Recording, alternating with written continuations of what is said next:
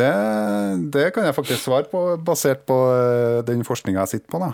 Sitter du på forskninga? Eh, for Ja, jeg sitter eh, Jeg må bare reise meg, så skal jeg hente fra meg.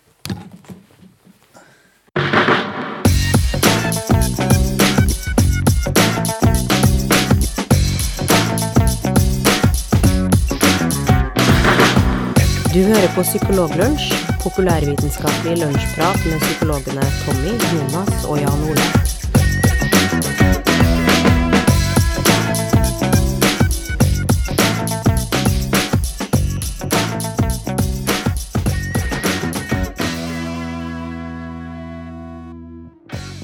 Velkommen til årets aller, aller siste Psykologlunsj-episode. Det blir jo en julespesial vi har foran oss, som skal handle primært om hvordan eh, fremmedspråk påvirker eh, tenkningen din. Typisk eh, julespørsmål. Og så skal vi også høre om forskningen på julegaver. Med oss i denne lunsjen er det som alltid, så å si alltid, vi er veldig sjelden vi har gjester også. Vi er undertegnede, Jan Ole Hesselberg, og så har vi Tommy Mangerud, sitter i Melhus, og Jonas Våg, som sitter i Malvik. Er dere klare for jul? Det er vi. Jeg svarer for Tommy og jeg. Det, vi, er, vi er veldig klare Ja. for jul.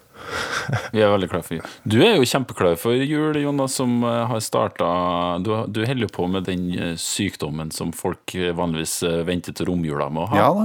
Ja, da. Når folk er veldig tett på hverandre, for du er jo dårlig. ja det, det er den gode gamle julefarangen. Og farang. Og for de av dere som ikke er kjent med trøndersk eh, dialekt, så eh, farang det er jo også det vi kaller omgangssyke. Ja. Mm. Og nå tok, tok dere slak et, et eh, poeng fra meg. Jeg hadde tenkt å si at er for å dokumentere at vi har kommet til den 17. desember, nå tar vi opp dette den 17. desember, så på TV og sånn så pleier man jo å liksom vise fram en avis for å bevise at man har kommet så langt som til den dagen. Mm. Ja. Bare for å, ja. Og da tenkte jeg å fortelle om en nyhetssak som kom i dag. ja. Overskriften er 'Flere hundre ble syke på cruiseskip'. Oi. Akkurat Og det. da er det flere hundre da, passasjerer som har blitt rammet av eh, omgangssyke, farangen som, eh, som Jonas går går og bærer på. Herlighet. Har du vært på cruiseskip i det siste? Ja, du, jeg var jo en tur i Kiel her i, i går. Så kan det kan det hende derfor. Det var rart. Antageligvis så, så er det det. Men kan dere forestille dere noe verre enn å være på et cruiseskip i Karibien, når du forventer deg å ligge på stranda og høre på palmesuset, og så er du på et skip hvor flere hundre mennesker har omgangssyke. Ja, det må være jævlig. Det må være helt forferdelig. Det, det er sikkert god lukt i gangene. Det, det, Mm. Herlig. Håper det er godt og varmt. Det er det jo i Karibien, så er det jo det. Men det skal vi ikke snakke om. Nei. Men har, har du, er du klar til, for jul, da, Jan Ole? Snur spørsmålet tilbake som en uh, ordentlig psykolog. Jeg er klar for jul. Nå har det seg sånn at eh, jeg trekker jo til julens mekka, Ja! som er uh, Trøndelag. Det gjør du. Ja, ja, ja. Det, Så vi ses faktisk snart. Det, det gjør vi. Det blir stas. Mm. Da er vi alle samlet i Trøndelag, og det kan neppe bli bedre enn det. men, men eh, jeg hadde et annet spørsmål, for du sa at, eh, at eh, eh, fremmedspråk at, at, eh, at altså forskning på frem- fremmedspråk ikke var julerelatert, nødvendigvis. Men jeg tenker at det er Altså, julenissen eh, Han må jo være god på masse forskjellige språk. Eller er det sånn at jeg interagerer Mm, ikke med noen når han kommer med gavene? Han snakker ikke? Nei, Jeg tror bare slipper de pakkene i den pipa jeg, Ja, fra lufta. Ja. Så, Så ho- når du er så høyt opp, så betyr ikke landegrensa noen ting. Nei, og så sier han jo bare ho, ho, ho. ja, og det er jo ho, ho, ho, er jo Vulgært Det er jo språk. esperanto, hvis jeg ikke tar helt feil. Det er det. Ja, Er det det er det det? esperanto, ja. ja Og han bor jo Han bor jo gratis, han, vet du. Når han reiser rundt. Å, nerdehumor. Ja. Ja, ja. Mm. Ja. ja, vi kutte den kan vi kutte ut. Uff. Det var en dårlig intro. Via omgangssyke over i esperanto-spøker. Vi har noe for alle, vi. Ingen skal føle seg utelatt når det kommer til humoren i podkasten her. Uff, jeg angrer meg. Det er nesten så vi burde lage en alternativ in intro. Nei, kjør på. Vi kjører på. Eh, Sverre, Sverre lager magi og sånt. Ja. Ja. Vi, vi, vi setter vår lit til eh, Sverre, som skal klippe sammen dette etterpå. Og, og klare å luke ut alt som har med omgangssyke og esperanto å gjøre i introen. La oss snakke litt uh, psykologi. Tommy, du får komme uh, først ut uh, med saken din. Du skal snakke om Hva var det du sa for noe? Hvordan språket vi tenker på, påvirker tenkningen vår. Ja, det er en ganske spennende sak. Som er, så det, og her, det her er rykende ferskt igjen. Eh, fra august i 2017. Det som var litt morsomt, da, det var jo at rett før vi starta opptaket og skulle gå gjennom hvilke saker vi skulle snakke om, så begynte Jonas å lure på om ikke vi hadde hatt et tema her før. Temaet er altså det at hvis man tenker i et annet språk enn morsmålet, sånn som eh, for min del, da, hvis at jeg tenker på engelsk, så påvirker det hvor mye jeg tror på overtro, eller eh, påvirker tenkninga mi, da. Så jeg kommer litt mer til detaljene. Ja, vi ja. litt mer til detaljene på det etter hvert. Men eh, Jonas mente jo at vi har behandla det temaet før i Ja. podkasten. Det skjønte jeg ingenting av, for da ja.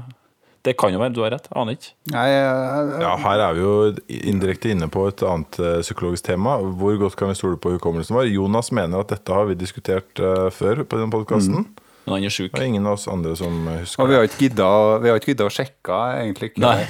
Nei, Så, så, det- så vi, bare, vi bare tar temaet, så satser vi på at uh, enten så har vi ikke hatt det før, eller så har lytterne like dårlig hukommelse som oss, og bare glede seg over at vi skal diskutere det temaet. Nå er jo artikkelen min fra august, så det må ha vært forrige podkastepisode, antageligvis, hvis det skal være den samme artikkelen. Eh, Ja, og selv det har vi ikke orka å sjekke ut. det har vi ikke orka å sjekke. Men jeg tror ikke en- det det, men det kan være lenger tilbake til noe av det samme temaet. En ting er sikkert, da, vi har ikke hatt det på Radio Trøndelag før. Så hvis dere kommer på Radio Trøndelag, så er det, det er exclusive for Radio Trøndelag. Ja, det kan være. Med mindre det her eh, at folk hører på en rerun av Psykologlunsj to år fram i tid, Sant? og så har de gått gjennom hele katalogen. Det kan være. Det, nå ble det meta, Nå ble det meta. ikke sant? Det ble veldig meta. Men, stas, men ja. eh, uavhengig av det, så kan vi jo diskutere denne saken. For hvis ikke to tredjedeler av, psyko to tredjedeler av psykologene husker jo ikke den saken. Så da regner jeg med at eh, vi kan anta at ca. den samme eh, andelen av vår lytterskare heller ikke husker det. Og da Ja. skal Tommy ta seg en bit av det eplet. Jeg måtte bare sjekke om den fortsatt står og tar opp. for søren. Det, Det, hørtes ja, men, ut, det så ut Ja. som, og hørtes ut som du bøyde deg ned og tok en skikkelig bit av et eple. Oh my god. Ja. Um, så i hvert fall uansett. I august så kom den artikkelen her ut i um, uh, Quarterly Journal of Experimental Psychology. Der eh, en gruppe forskere har eh, da undersøkt om hvilket språk man tenker i påvirker tenkninga vår. Da. Fordi andre funn, tidligere funn, er at det å tenke i et fremmedspråk, et språk som ikke er morsmålet, gjør at man bannes mer. Eh, og det gjør også at man kan eh, tåle å prate lenger om pinlige tema enn eh, enn vanlig. Så, så det er ting som forandrer seg, da. Og det de her ønska å undersøke, det var om hvorvidt det å tenke et annet språk påvirker vår tro på unaturlige eller overnaturlige ting. Så setupet var som følger. Eh, 400 tyske personer, personer som var tysk og snakka, hadde tysk som morsmål, men som hadde lært seg engelsk. Snittalderen var tolv år da de begynte å lære seg engelsk. De ble bedt om å forestille seg sjøl i ulike scenarioer, eh, som da ble forklart enten i en tysk eller engelsk tekst. Eh, og de blir bedt om å se for seg sjøl i f.eks. en, en viktig dag som på morgenen før de skal gjennomføre en eksamen, eller eh, dagen de eh, har deadline på det å skulle levere inn en jobbsøknad. Altså ting som eh, er av litt betydning, da. Som, som også da krever kanskje at man har flaks, eller at man lykkes, da. Og i de scenarioene så skulle da være eh, Så skulle, skulle forestille seg at det skjedde noe i den teksten, da. Eh, og da kunne den tingen enten være triviell, som f.eks. å oppdage at eh, kjøkkenvasken var tett, eller at de så et fly på himmelen, eller noe sånt noe. Eller noe som hadde en slags sånn overtro Et overtropreg over seg. Det kunne være en negativ ting, som det å, eh, at speilet knustes. Eh, eller en sånn positiv ting, som det å skje et stjerneskudd. Og så ble de da bedt om å eh, vurdere hvor, hvor, hvor positiv eller negativ de ville føle seg i de situasjonene, og svare i samme språk som den teksten, da, så enten tysk eller engelsk. Så eh, setupet er da det skal skje noe viktig, og så skjer det en hendelse som enten er ubetydelig, eller som har eh, påvirkning på om de tenker at de lykkes med den viktige tingen eller ikke. da. Og så skal de finne ut om de føler det har noe påvirkning. Og hvis de da svarer, eller gjør denne øvelsen på engelsk, altså ikke morsmålet, så så de ingen forandring i eh, hvordan de føler seg etter eh, sånne trivielle ting som det at kjøkkenvasken eh, gikk tett. Det, var, det utgjorde ingen forskjell. Men hvis den hendelsen som er av en sånn emosjonell karakter, som det at et speil knuste seg sånn også, det, gjorde, det gjorde at de beskrev at de ble mindre påvirka av det. Det vil si, hvis det var f.eks. et speil som knustes, så følte de seg ikke at det kom til å gå dårligere på eksamen, eller hvis de så et stjerneskudd, så tenkte de ikke at det kom til å gjøre at de gjorde det bedre på eksamen. Eh, var ikke det spennende? Hæ? Jo, men det var hvis de tenkte på språket som ikke var morsmålet. Mm. Ja, nettopp. Mm. Ja. Mm. Det er jo veldig interessant. Ja. Så spørsmålet er jo hvorfor er det sånn, mm. da? Og, um, Hvorfor er det sånn, Tommy? Hvorfor tror forfatterne det er sånn? Jo, Forfatteren tror at det er sånn fordi når vi vokser opp, så har vi de her ordene eller de hendelsene, sånn som det å knuse et speil. Eh, det er noe man blir, eh, som blir assosiert med ubehag eller med, med en risiko, eller hva man skal kalle det. da. Uh, og det er noe som blir knytta sånn emosjonelt kobla til det ordet ganske tidlig i livet. Og, mm. og det er noe som gjør at uh, det er veldig vanskelig å skille den emosjonen. Du må jobbe hardt for å skille det emosjonelle fra det ordet, da. Men uh, når vi lærer oss et nytt språk, så har vi ikke de samme gjentatte assosiasjonene til de samme ordene på det fremmedspråket. da. Ok, Så, så eh, forfatterens uh, hypotese er at ja. dette, dette er, uh, går på ren automatikk, nesten at det er så sterkt forbundet med ja.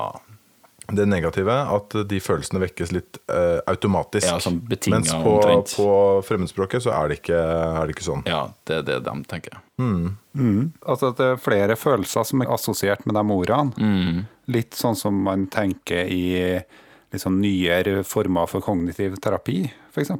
Hvor man tenker at uh, for å ikke opprettholde uh, angstproblematikken, så skal du prøve å såkalt diffuse ordet, eller følelsen Habitur. fra ordet, på et vis. Mm, ja. ja.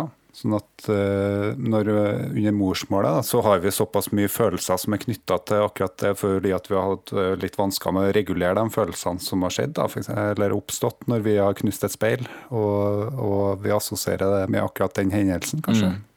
Eller? Mm. Ja, eller, eh, eller eh, Ja, bare at man har Det, det er knytta så mange ganger til et ubehag. Da. At, eh, som de sier, altså til og med personer som er veldig rasjonelle, sånn som kanskje mange av oss, så er det veldig vanskelig å unngå at ikke av og til så sniker det seg inn noen sånne, sånne ubehagsfølelser. da, Litt sånn mm. refleksivt knytta til enkelte hendelser eller uh, ord eller ting som oppstår. Det er, ja, fordi det er en del av kulturen? Det er en del av kulturen, for eksempel. Det, ja. Det, det, er det du er Det er vokst opp med den, den, den, forbindelsen, så det skjer automatisk, litt uavhengig av ja. hvordan du uh, resonnerer uh, mer Ja. bevisst. Ja, men, men at du, eh, så eh, jeg vet ikke om det går an å tenke at man kan knytte litt til det, de her begrepene til Kahneman om 'thinking fast and slow', ikke sant? At, Jo. eh, ja. Og det, ja, og det, det tror jeg altså, det, Der er det jo gjort en del forskning at Der er jo teorien at vi Eller uh, modellen er det jo. Dette er jo ikke hjernefunksjoner eller, uh, eller områder, men modellen er at vi måtte ta beslutninger i to systemer. Et veldig intuitivt, raskt uh, og emosjonsstyrt, mens et som er mer bevisst og, og rasjonelt. Og det man, det man ser der, da, som jeg tenker kanskje også kan være relevant her, det er at når oppgaver blir vanskeligere å løse, så blir vi mer kritiske. Eh, fordi eh, når ting flyter, så bruker vi dette system 1, som er intuitivt og ubevisst.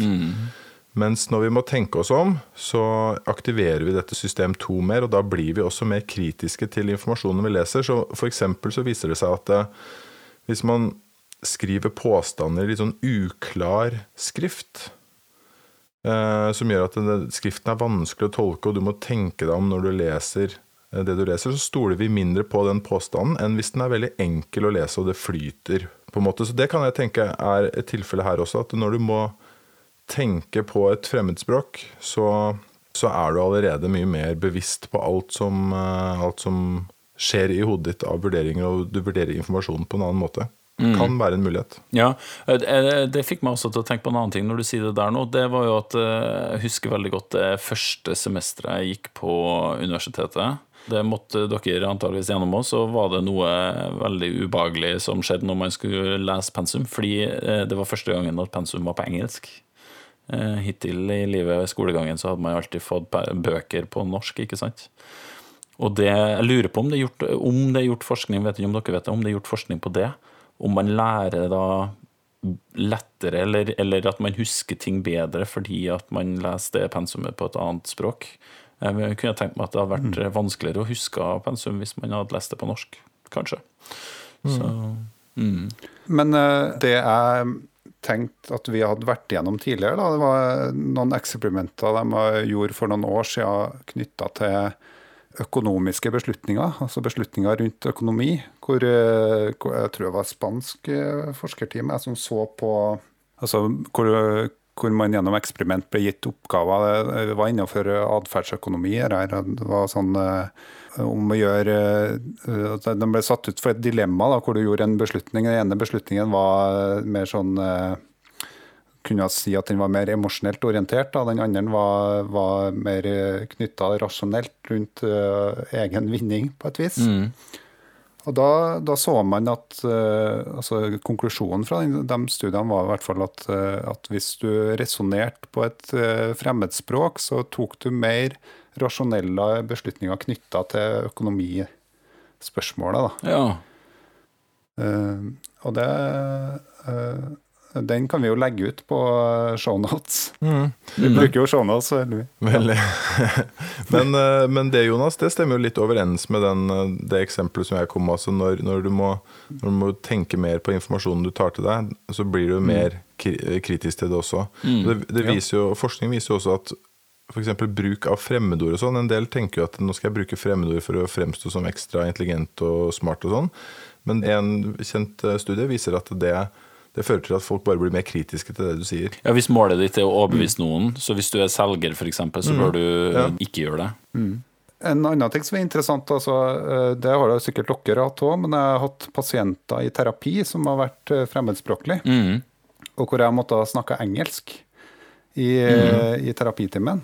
Og hvor utfordrende det er å være eh, emosjonelt påkobla sånn, når du skal snakke et fremmedspråk. Eller i hvert fall sånn Jeg har opplevelsen av at jeg ikke nødvendigvis treffe klienten min på samme måte som jeg ville ha gjort hvis begge kunne ha snakka morsmålet sitt. Da. Så det er nok et eller annet der med at du har mye mer sånn emosjonell læring òg knytta til språket ditt.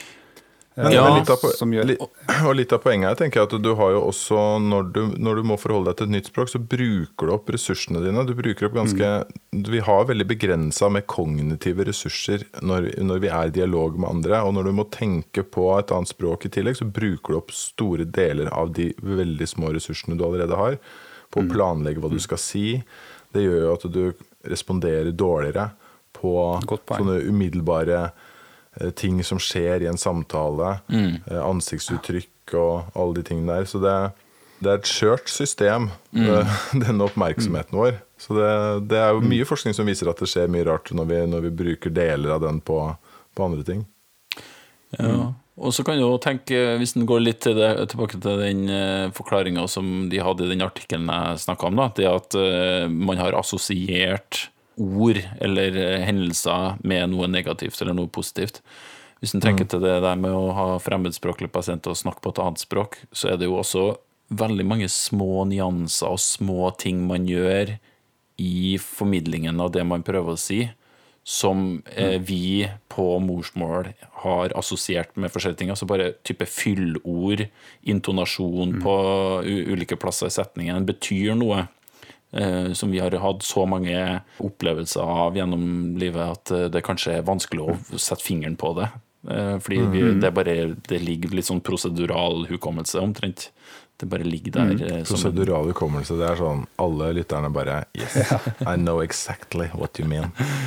Ja, det, det er altså mer sånn hukommelse som ligger i nesten i muskulaturen. Da. Det- Det er bare noe vi refleksivt gjenkjenner uten å si det eksplisitt, for for å bruke et annet ord. Er lettere å forklare. Det er et veldig interessant tema. Det, når du sier refleksiv, Tommy, så Ja. da tenker jeg at det er en refleks. Det Ja. er jo kanskje Det er jo kanskje en god gave Oi! eh, man, kan, eh, man kan gi. Legger, legger du merke til eh, overgangen jeg lager nå? Mm, veldig smooth. Ja. Veldig. Nå, har jeg, nå driver jeg runder av eh, saken til Tommy, og så kom, lager jeg en overgang til saken Ja. til Jonas, som er julegaver. Og det er veldig interessant at du sier det, for at eh, det vi meg? har jo så mange eh, assosiasjoner til det å liksom Når man begynner å snakke sånn, så skjønner vi at du er på å runde av eh, Ja. den, det temaet. Så hvis du hadde snakka på engelsk nå, så, så kan det være at eh, det her har blitt helt annerledes. Yes. Kan du gjøre det en gang til på engelsk? Så kan vi se. Så la du merke til hvor tregt det plutselig så gikk nå? Nå stoppa det med en gang. Ja. Nei, kjør på. Men Jonas, hva sier forskningen om å gi reflekser i julegave? Jo, det, det kan jeg faktisk svare på, basert på eh, den forskninga jeg sitter på. da. Sitter du på forskninga? Eh, for Ja, jeg sitter eh, Jeg må bare reise meg, så skal jeg hente fra meg.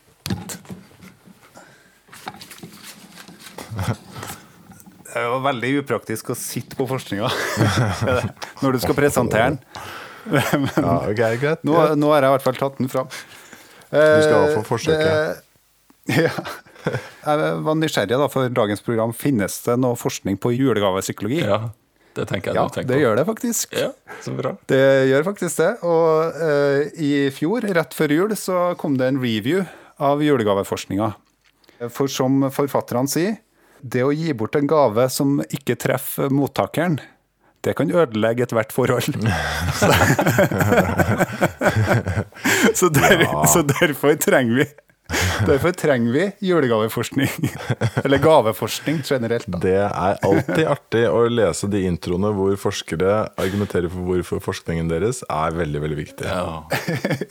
Stor samfunnsøkonomisk nytte, fordi for- forhold oppløses over en lav sko Ja. over dårlige gaver. Ja, familievernkontorene kommer ikke til å ha noe å gjøre nå etter hvert, når vi vet om det. Så en uh, forskergruppe da, fra USA eh, som, uh, ja, det er faktisk en forskergruppe.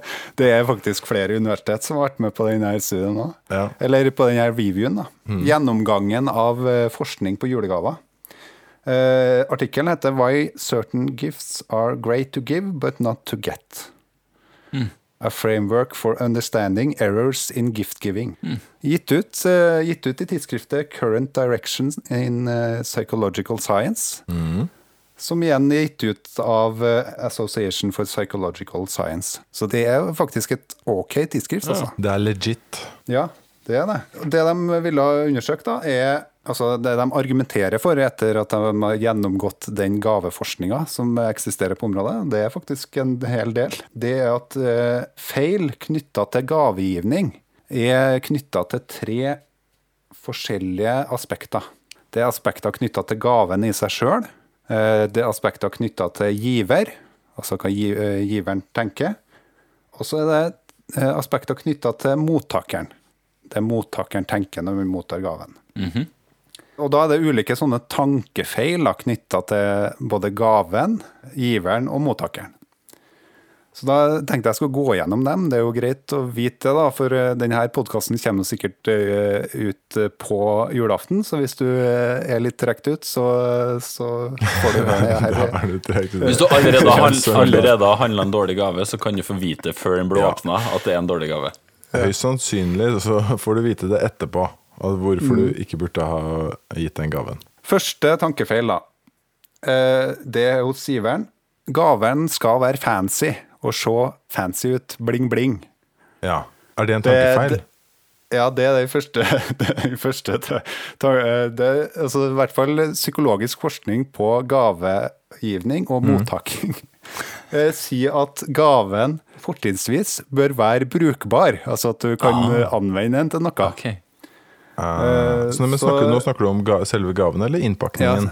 selve gaven. Ja, så, ok. så sokker er bedre enn en, enn, eh, bare noe som blinker. Ja, og det, det som er så fint, er at denne artikkelen kommer med en sånn infoplakat. Oi, oi, oi. Nå Så- viser så de får- Jonas fram så de får- infoplakaten. Ja, som jeg foreslår kan legges ut legges ved, ut på ulike butikker. Da.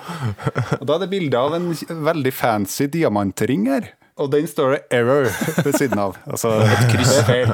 Og så er det bilde av en sånn Swiss Army knife i stedet. Det, Den er funksjonell. For det kan det brukes til så mye. Nydelig. Nydelig. Så, så, Dette er jo fantastisk. Så hvis du skal gi bort en gave, så er det viktig å ikke tenke at den skal se fancy ut, og at du imponerer dem som sitter rundt når du åpner opp gaven, men at mottakeren skal synes at den er brukbar. Jeg kan bruke den til noe. Jeg, jeg synes du skal jeg, jeg, legge- I det vi, den episoden går på lufta, så bør du legge ut det bildet på Facebook-gruppa vår. Sånn at hvis du ja, som lytter nå ikke har vært inn på den sida og lika den, det må du jo gjøre, så kan du gå inn på Psykologlunsj på Facebook, og så får du se den infoplakaten. Ja, så Tankefeilen hos giver er at du skal gi bort en gave som gir en sånn wow-effekt da, når den åpnes. Men egentlig så skal du tenke at den skal ikke gi så mye wow-effekt. Den skal heller eh, gjøre at mottakeren sitter der og hm, her har jeg bruk for, faktisk.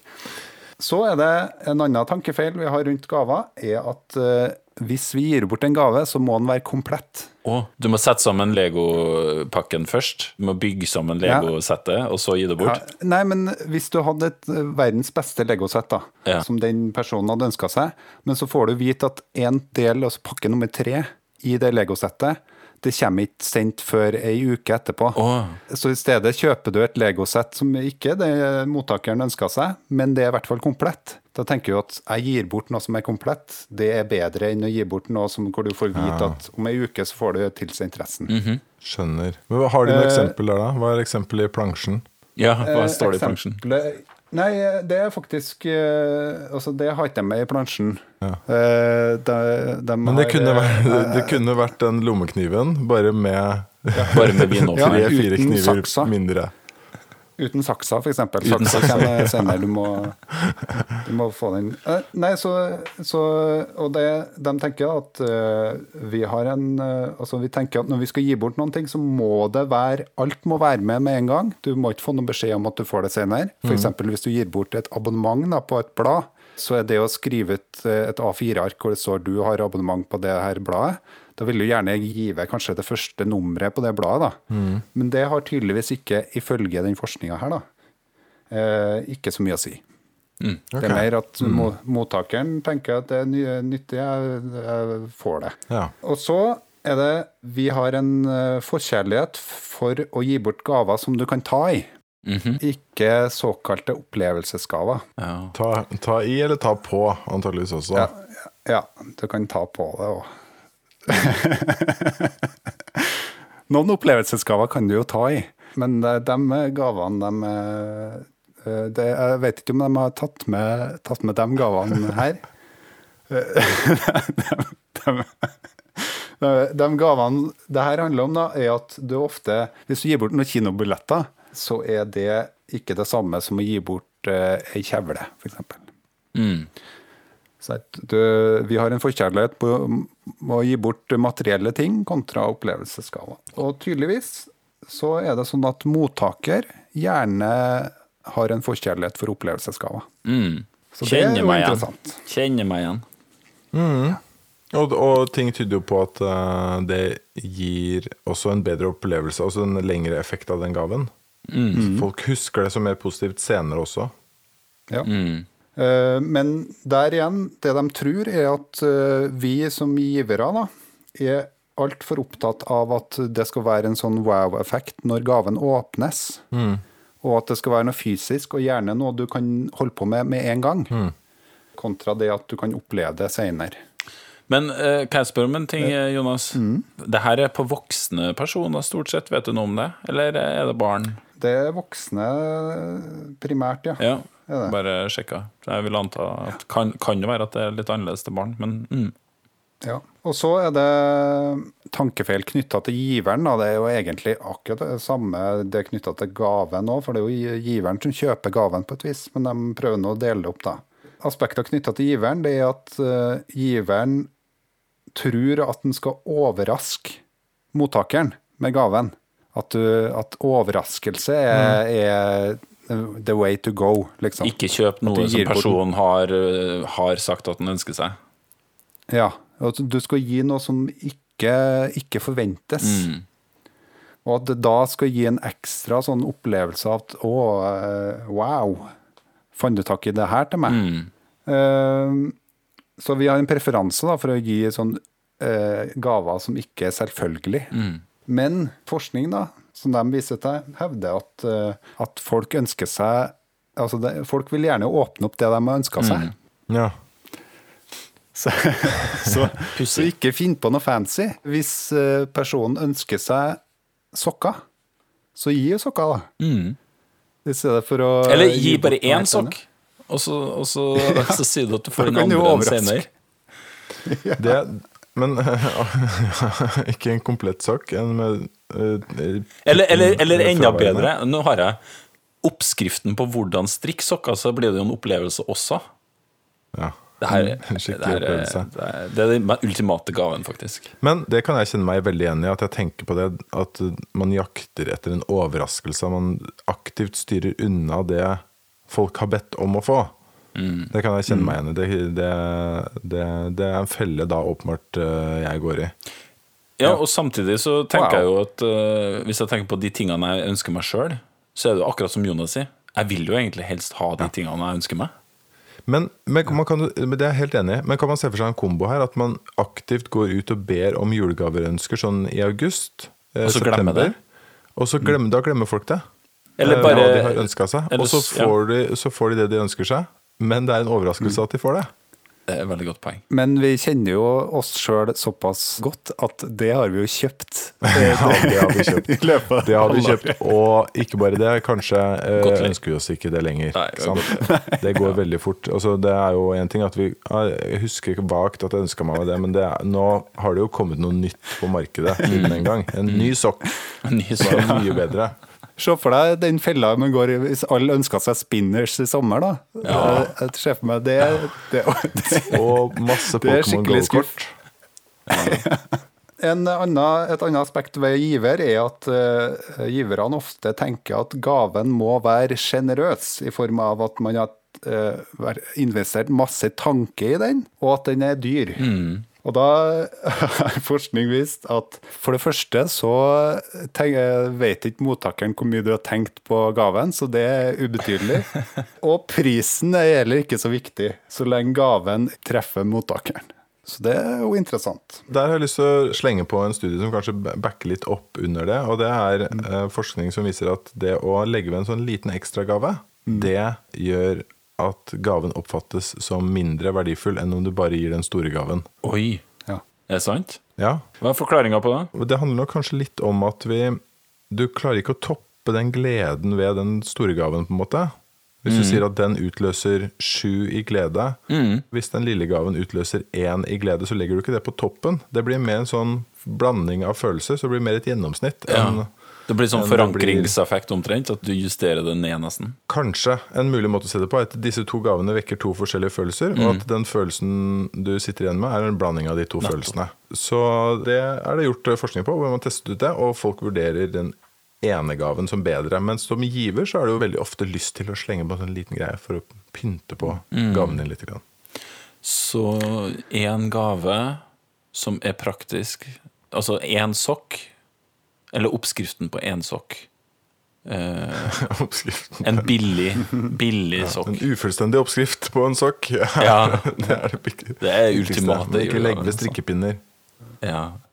Og så er det en, eh, er det en eh, aspekter knytta til mottakeren. Da.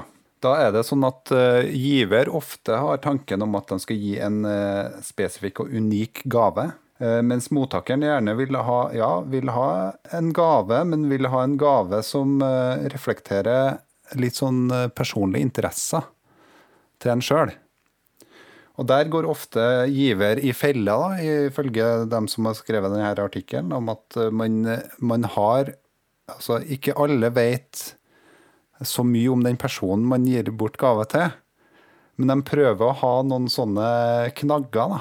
Eh, De har henta seg ut noen karakteristika ved den personen, og så tror man at eh, hvis jeg kjøper det Altså, ja, det her er ungdom 17, da må jeg kjøpe X deodorant av type spray. For, for, fordi, for, for, fordi det er det ungdommer på 17 år bruker. det er det de driver med. Så, så, så det de hevder, er at det er bedre å gi bort Da er det bedre å gi gaver hvor du ikke har brydd deg om de dårlige karakteristikkene du Ja. tar utgangspunkt i. Men, men Men mer tar utgangspunkt i hva folk liker generelt. Ja. Ja. Men, men eh, det kan eh, altså, Jeg vet ikke om det faller inn under det her, men eh, la oss si Det har jeg opplevd noen ganger. Eh, La oss si at noen har fått med seg at eh, ja, Jan Ole han driver en podkast. Han liker sikkert sånne lydgreier, så vi gir han en mikrofon til, uh, i- gave. Da blir han sikkert glad, for han driver jo med sånt. Men så er den mikrofonen Den uh, har man ikke bruk for til det, og det har man jo allerede kjøpt seg. Jeg vet ikke om dere skjønte poenget mitt her? Ja, og ikke- sånn, ja, nei, Jonas han er interessert i fotball. Jeg tror kanskje vi gir han en fotball. Ja. Det, da, da blir han sikkert glad. ja. Sant? Det blir en sånn eh, Det blir en sånn stereotypifelle. Ja. mm. Og man skjønner ikke helt omfanget av den interessen til de personene. Nettopp. Nettopp. Nei. Så man ønsker jo kanskje mer noe som er knytta til det som gjør at jeg skiller meg vekk fra den stereotypien, f.eks. Kanskje. Eh, Ja, eller at man ikke har nok kunnskap om det det den personen driver med. Så kanskje et enda bedre eksempel da, er å si ja, jeg er eh, var Pearl Jam-fan, og så er det en eller annen sånn tante i slekta som har fått med seg det, og så gir hun Ten-albumet Ja. i gave. Ja, sant. Ja. Eh, For det er jo Pearl Jam. Det er Pearl Jam, Jam. Ja, sant. Og så er det det siste punktet er at uh, Altså, eh, der tar de egentlig et oppgjør med sånne eh, sosialt eh, Altså social responsible gifts. Altså det å gi bort eh, gaver som handler om at du f.eks. Hei, jeg har kjøpt eh, ullpledd til en familie i, eh, som har dårlig økonomisk altså dårlige økonomiske forhold i et fremmed land, i ditt navn. Der viser den forskninga i hvert fall, som de viser til at det, det er ikke nødvendigvis det mottaker vil ha.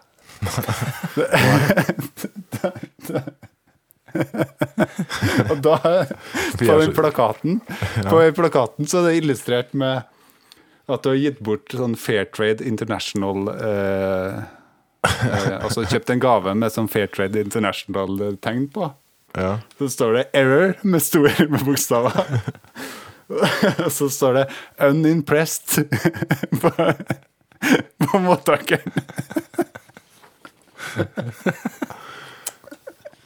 Det, der var veldig, det var veldig spesielt å tegne et bilde av veldig usympatiske eh, mennesker. Vi oppfordrer alle til å gi det.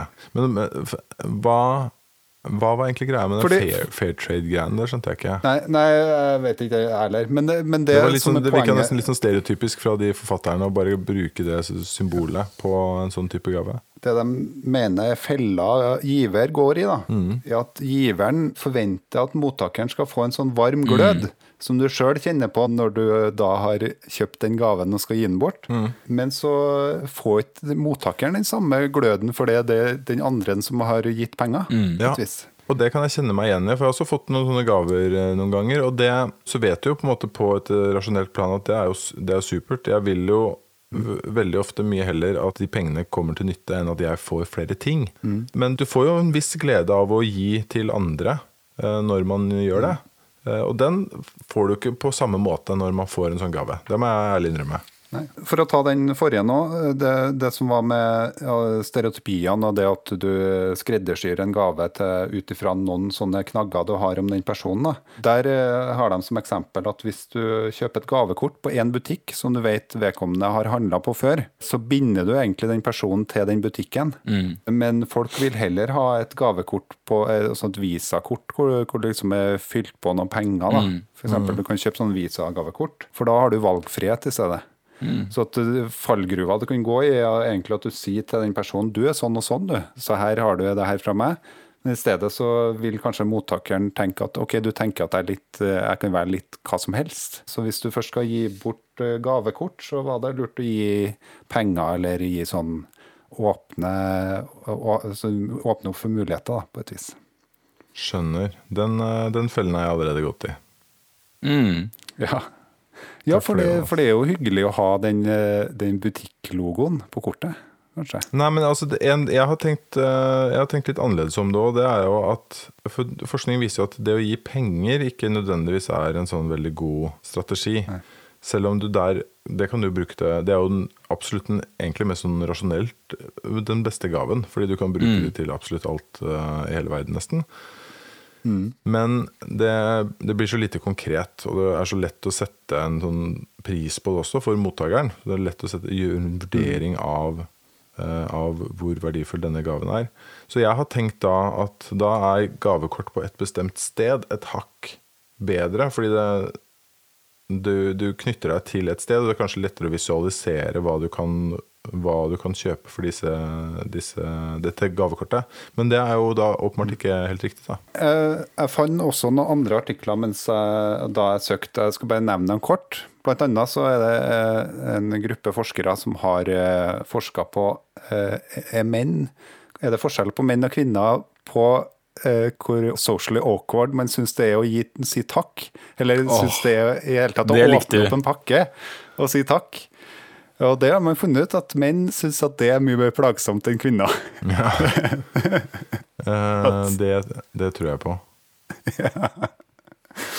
Jeg har også lest en studie, jeg vet ikke om du hadde tenkt å si det, men jeg har også lest en studie som viser at eh, eh, kvinner i mye større grad også sier tydelig takk for gaver som de ikke liker. Å ja. Eh, og at eh, menn eh, oftere viser i hvert fall antydning til skuffelse. Jeg tror på det. De siste studiene jeg kan nevne, da, er en som så på innpakning. Hvor man så på forskjellen mellom det å bare gi bort Altså at du, du har kjøpt en gave, og så gir du den bort uten å pakke den inn. Ja, det er kjempepopulært. Den andre, andre var å pakke det inn i fin, fint innpakningspapir og ordentlig forseggjort. Og, det, og eh, overraskende nok så var det, hvis du hadde pakka inn og gjort litt flid med det, så hadde det en bra effekt. altså. Ja, det hadde, Da vet vi det. Det er flott. Så pakk inn den ene sokken. Ene sokkeoppskrifta du har uh, ordna. Jeg har faktisk med en overraskelse til dere. Har du? Jeg tenkte at eh, altså, Jan Ole skal få lov til å runde av sånn som vanlig, men jeg har med en overraskelsessang. Vi har fått en temasang som jeg tenkte passa til julegaveinnpakning. Den eh, handler om eh, det å åpne opp gavene. Og det som er viktig når du åpner opp gavene, det er å si takk. Så den handler nettopp om det. Den er laga av et band som heter Langåsen høytids- og merkedagsforening. det har vi alle Dette er- hørt om før. Ja. De er kjent, kjent for en julekalender nå som heter Anti-gledelig julekalender. Vet du hva, Jeg syns, jeg syns vi har overgått oss selv jeg, i denne episoden. her Nå har vi tatt fram forholdsvis fersk forskning, eh, bare fra august av. eh, Den forskningen, Og vi har snakket masse om relevant forskning, som er forskning som er relevant for den årstiden vi er inne i, eller den høytiden Ja. vi er inne i. Dette, sånn kommer det ikke til å fortsette. Vi kan ikke love at vi holder den standarden videre. Med det så ønsker vi alle god jul, og så spiller vi av Takk for pakkesangen som Jonas introduserte i stad. God jul. God jul. Jul,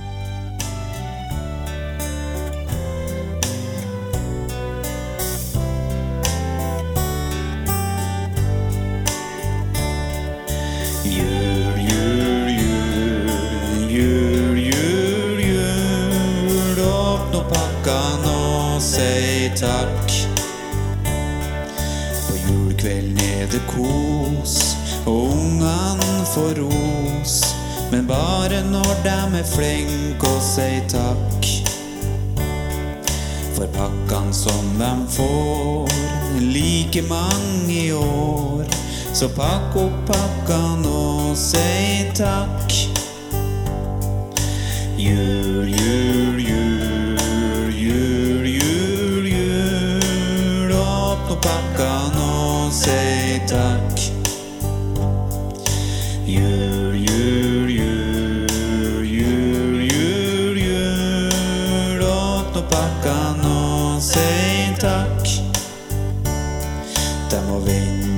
Hele dagen og sitte der og glan på Sonja og på det som ligger på en tre.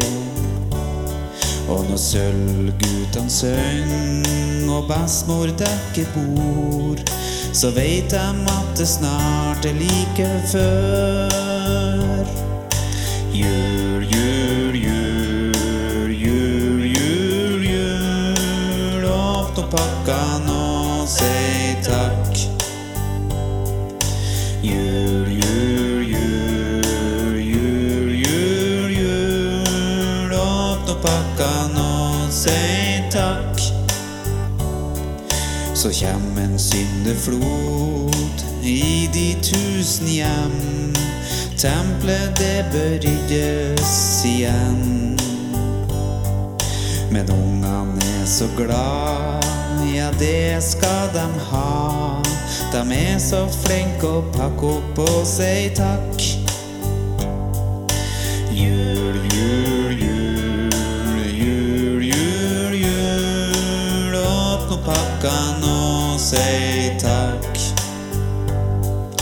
Jul, jul, jul, jul, jul, jul. Åpne pakkene og si